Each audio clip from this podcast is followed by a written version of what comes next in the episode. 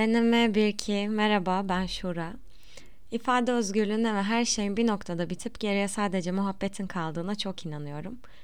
Bu yüzden bu podcast'i evde bir köşede duran dandik mikrofonum ve sevgili bilgisayarımla kaydetmeye karar verdim. Wow, unutmamışım giriş cümlesini. Çok iyi, çok iyi başladım. Oturuyordum evde, ee, oje sürüyordum tam olarak.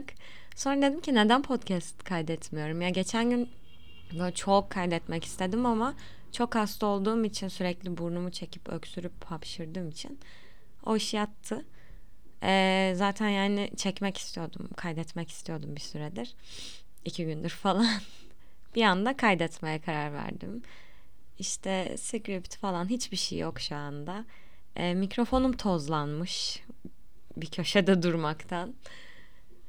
Üzüldüm biraz açıkçası buna ama her şey sanırım olması gereken zamanda bir şekilde oluyor. Mesela şu an üst katta yine beşik sallanıyor ve garip yani o kadar saçma bir ses geliyor ki kapılarına not bırakmak istiyorum. Ne olur şu beşiği yağlayın diye.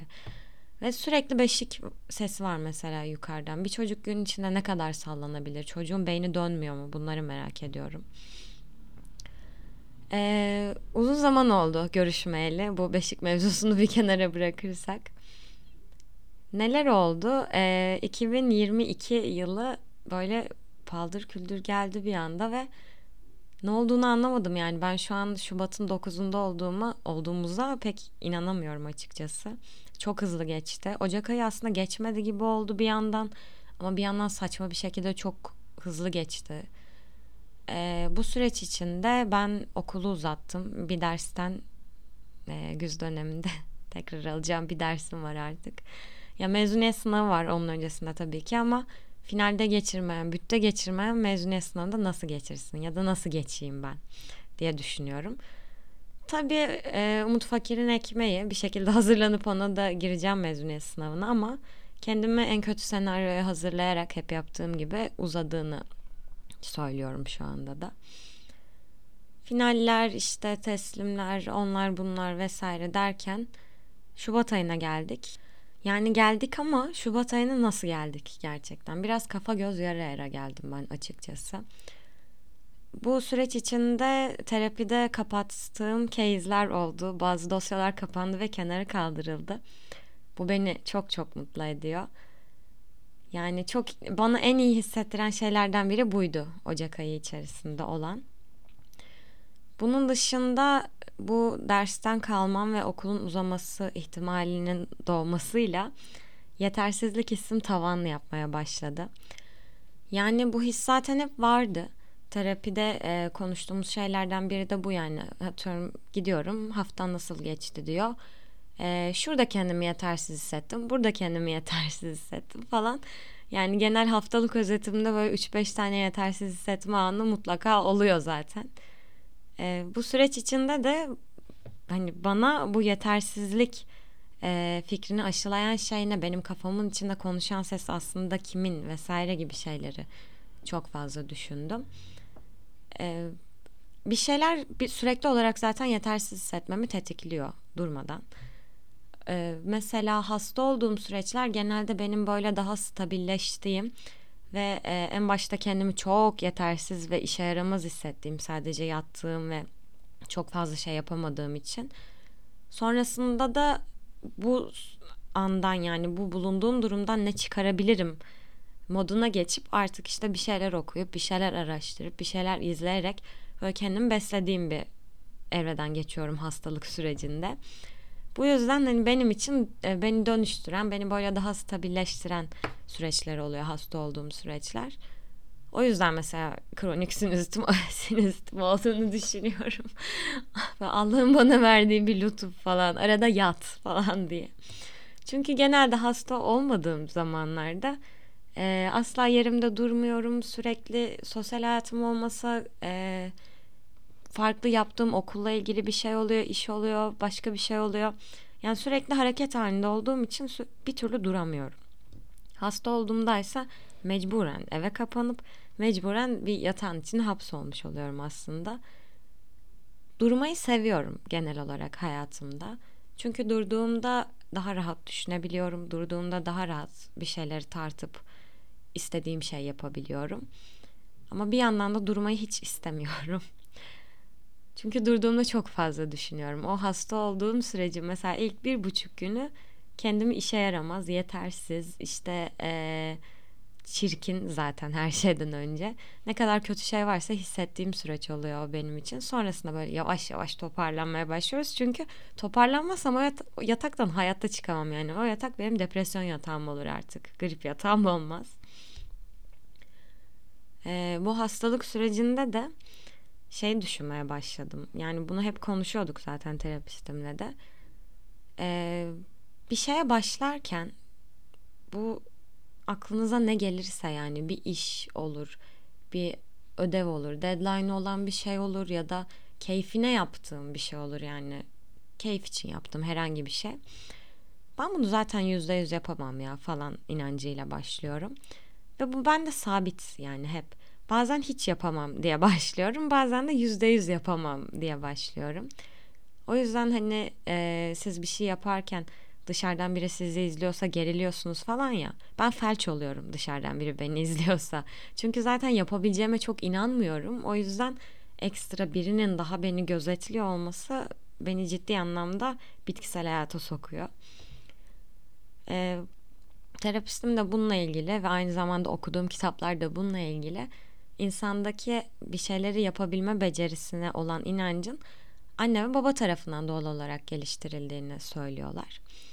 Bu ne gibi? Ee, çocukken örneğin bir Lego'yu birbirine takmaya çalışırken bir bebek annesi gidip aa sen takama, takamadın edemedim ben takayım sana öyle vereyim oyna yaklaşımında bulunuyorsa çocuk doğal olarak demek ki ben bunun için yetersizim ben bunu yapamam fikrine kapılıyor. Ama onun çabalamasına imkan verilirse, yapabileceği konusunda o teşvik edilirse bir şeyleri başarabileceğine inanıyor ve bunu düşünüyor otomatik olarak. Çünkü biraz şey gibi zaten bebeklik ve çocukluk. Bomboş bir e, PyCharm sayfası ve oraya kodu yazıyorsun ve o da ona göre çalışıyor. Yani verdiğin şeyi çalıştırıyor sadece. Yine nerd bir benzetme yaptım. Neyse e, sonuç olarak bendeki bu denge nasıldı diye biraz sorgulamaya başladım kendi içimde ve anılar zincirine girdim. Babam beni çocukken çok öven, e, destekleyen, bir şeyleri kendi başıma yapmam için beni çok cesaretlendiren bir insandı. Yani bizim ailede babamdı o benim için. İki tane ablam var bu arada bilmeyenler için. Benden epey büyükler. Biri 9 diğeri 10 yaş büyük. Annem de genelde e, evin en küçük çocuğunu son beşiğini koruma ve e, gözetme içgüdüsüyle şura yapmasın siz halledersiniz şura yapmasın ben yapayım modunda olan bir insandı. Annem de destekleyici ve kendi başıma bir şeyleri yapabileceğime inanan biriydi. Yani böyle çok beni evin e, Türkiye aile neydi o? Türk aile yapısı. Ha. Türk aile yapısındaki erkek çocuğu gibi yetiştirmedi ama genel olarak annem beni daha çok böyle kıyamayan ve kayıran taraftı. Ama çok pardon. Buraya keseyim ya. Ya da kesmiyorum be. Zaten ağzımın havasına konuşuyorum burada. Evet ne diyordum? Annem, babam. Örneğin e, ben 6. 6. sınıfta yani yaklaşık 12 yaşımda falan araba sürmeye başladım. İlk defa araba sürmeye 12 yaşımda deneyimledim yani. E, onun öncesinde babam ablama öğretiyordu, büyük ablama. Ve ben sürekli arka koltukta işte e, gözetleme halindeydim olan biteni. O yüzden işte vitesedir, debriyajdır, gaz, gazdır, frendir bunların hepsine hakimdim zaten. Arabaya bindim ilk e, süreceğim zaman. Araba sorunsuz bir şekilde kalktı. Köyde deniyoruz bu arada bunu E5'te falan denemiyoruz yani. Köy yolundayız gayet. Araba yok, hiçbir şey yok falan. Araba sakin bir şekilde kaldırdım. Normal tın tın tın tın gidiyoruz köy yolunda. Okey oldu yani hani şura sürüyor arabayı. Vay be falan modundayız. Sonrasında sanırım e, ilk sürüşümde yine arabayı ya da ikinci. Ama yine 12 yaşımdayım hala yani. Çok bir tecrübem yok. Ve hani ayaklarım o kadar zor yetişiyor ki debriyajı kökleyemiyorum. Köklemekte zorlanıyorum ciddi anlamda. Ee, ablamlar arka koltukta oturuyorlar. Biz de böyle köyün yolunda gidiyoruz.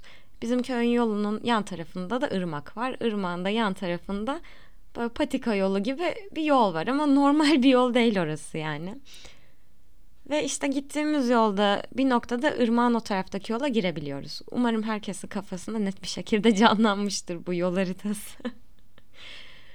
Biz işte arabayla giderken ben kullanıyorum arabayı. Babam dedi ki sağ kır. Sağ tarafta da ırmağa giren yol var.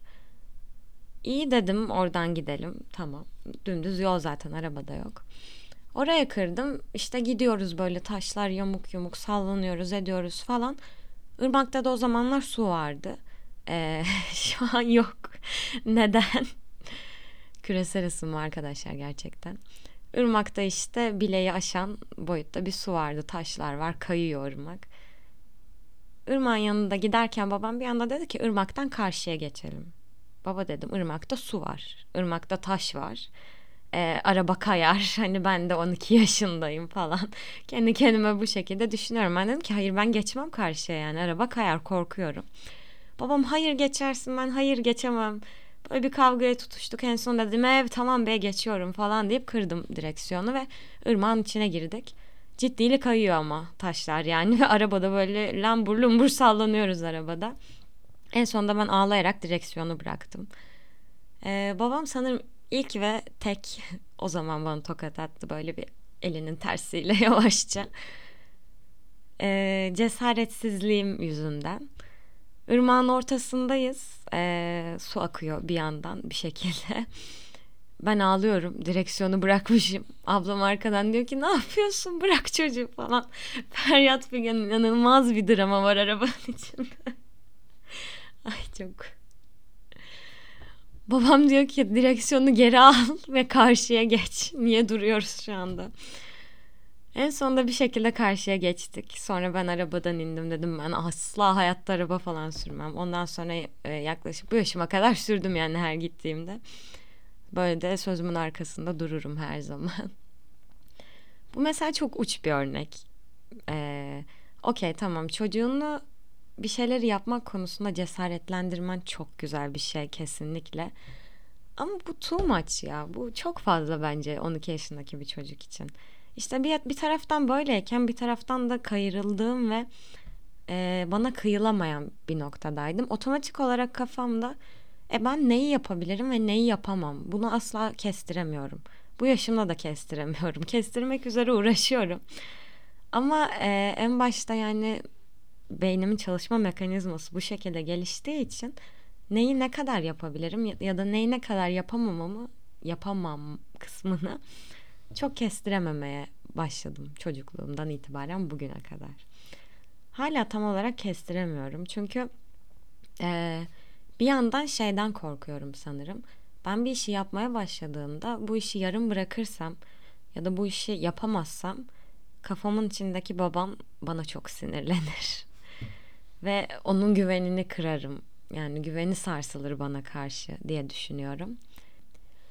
Öte yandan da e, böyle başarılı olup olamayacağım ya da başarılı olmayı da bıraktım.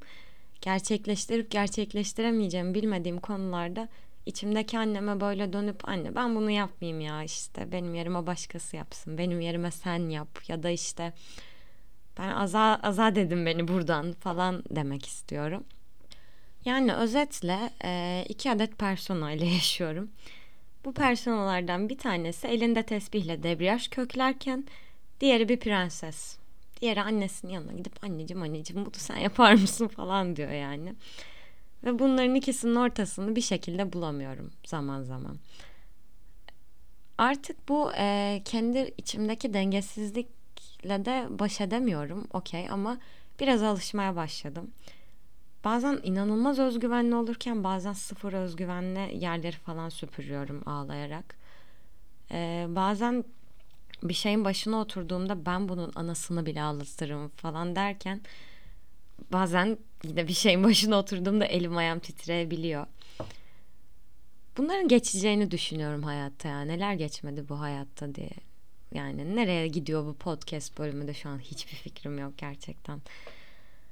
Oh biraz durdurayım geleceğim. Şey de ama düşündüm ve fark ettim. Ee, geri geldim bu arada. Hayatımızdaki insanlar işte e, otorite olarak gördüğümüz insanlar, de, hmm, fikirlerine değer verdiğimiz insanlar ya da işte e, gözlerini bize dikmiş bakan insanların büyük etkisi oluyor bence bir şeyleri başarıp başaramamaya karar verme e, sürecimizde ve özgüvenimiz üzerinde aslında. Yani çevremizde ne kadar bizi böyle e, didik didik etmeye hazır insan varsa otomatik olarak o kadar güvensiz hissediyoruz. Çünkü açığımızı arayan biri var karşımızda diye düşünüyoruz.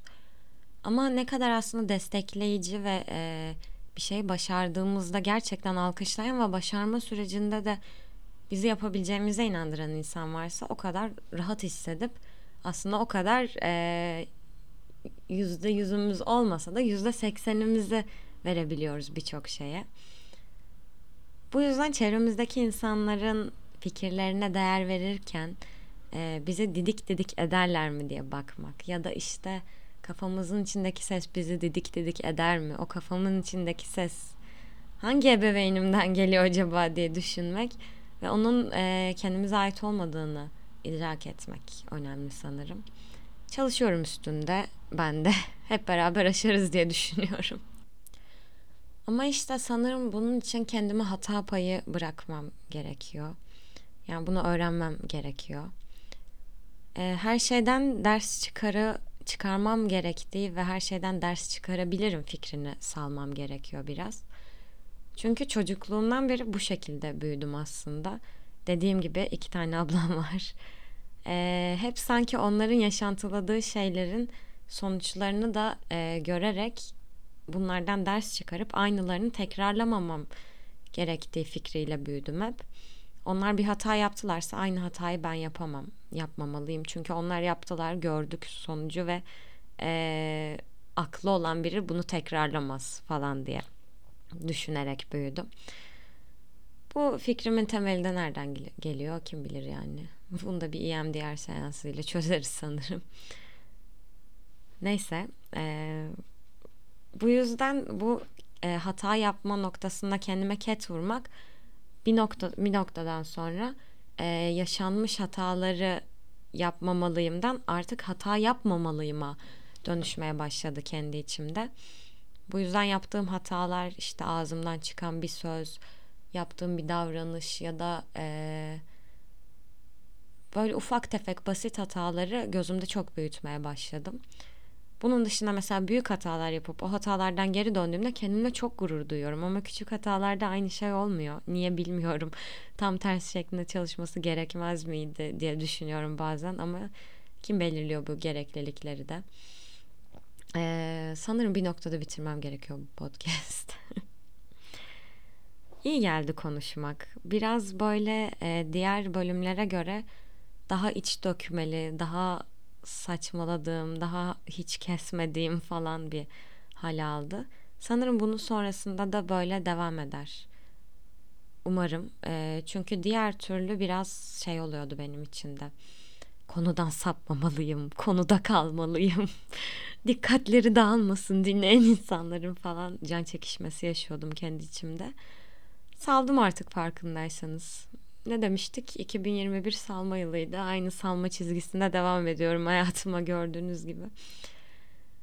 Ee, yalnız şeyi merak ediyorum. Bana bununla ilgili geri dönüşte bulunursanız çok sevinirim. Ee, konuştuğum şeyler kafanızda bir şeyler canlandırıyor mu? Mesela e, daha mı çok örnek vermeliyim? Bundan emin değilim. Ben kendim bildiğim için konuştuğum şeyi konuşuyorum ve bitiyor benim için yani anlaşılır geliyor bana. Ama böyle ay bu ne ya böyle Öf, anlamadığınız yerleri sorun çocuklar gibi. Ne saçmalıyorum acaba sormayın boş verin tamam okey. Sıkıntı yok. Bence birbirimizi anlıyoruzdur. Anlamayanlar zaten büyük ihtimal çoktan kapattılar bu bölümü. O yüzden diyorum ki e, herkes kendine dikkat etsin salgın var diyorlar. Kafanız içindeki seslere de dikkat edin. Anneden babadan geliyor diyorlar çocukluktan falan. Herkes kendine dikkat etsin salgın var diyorlar.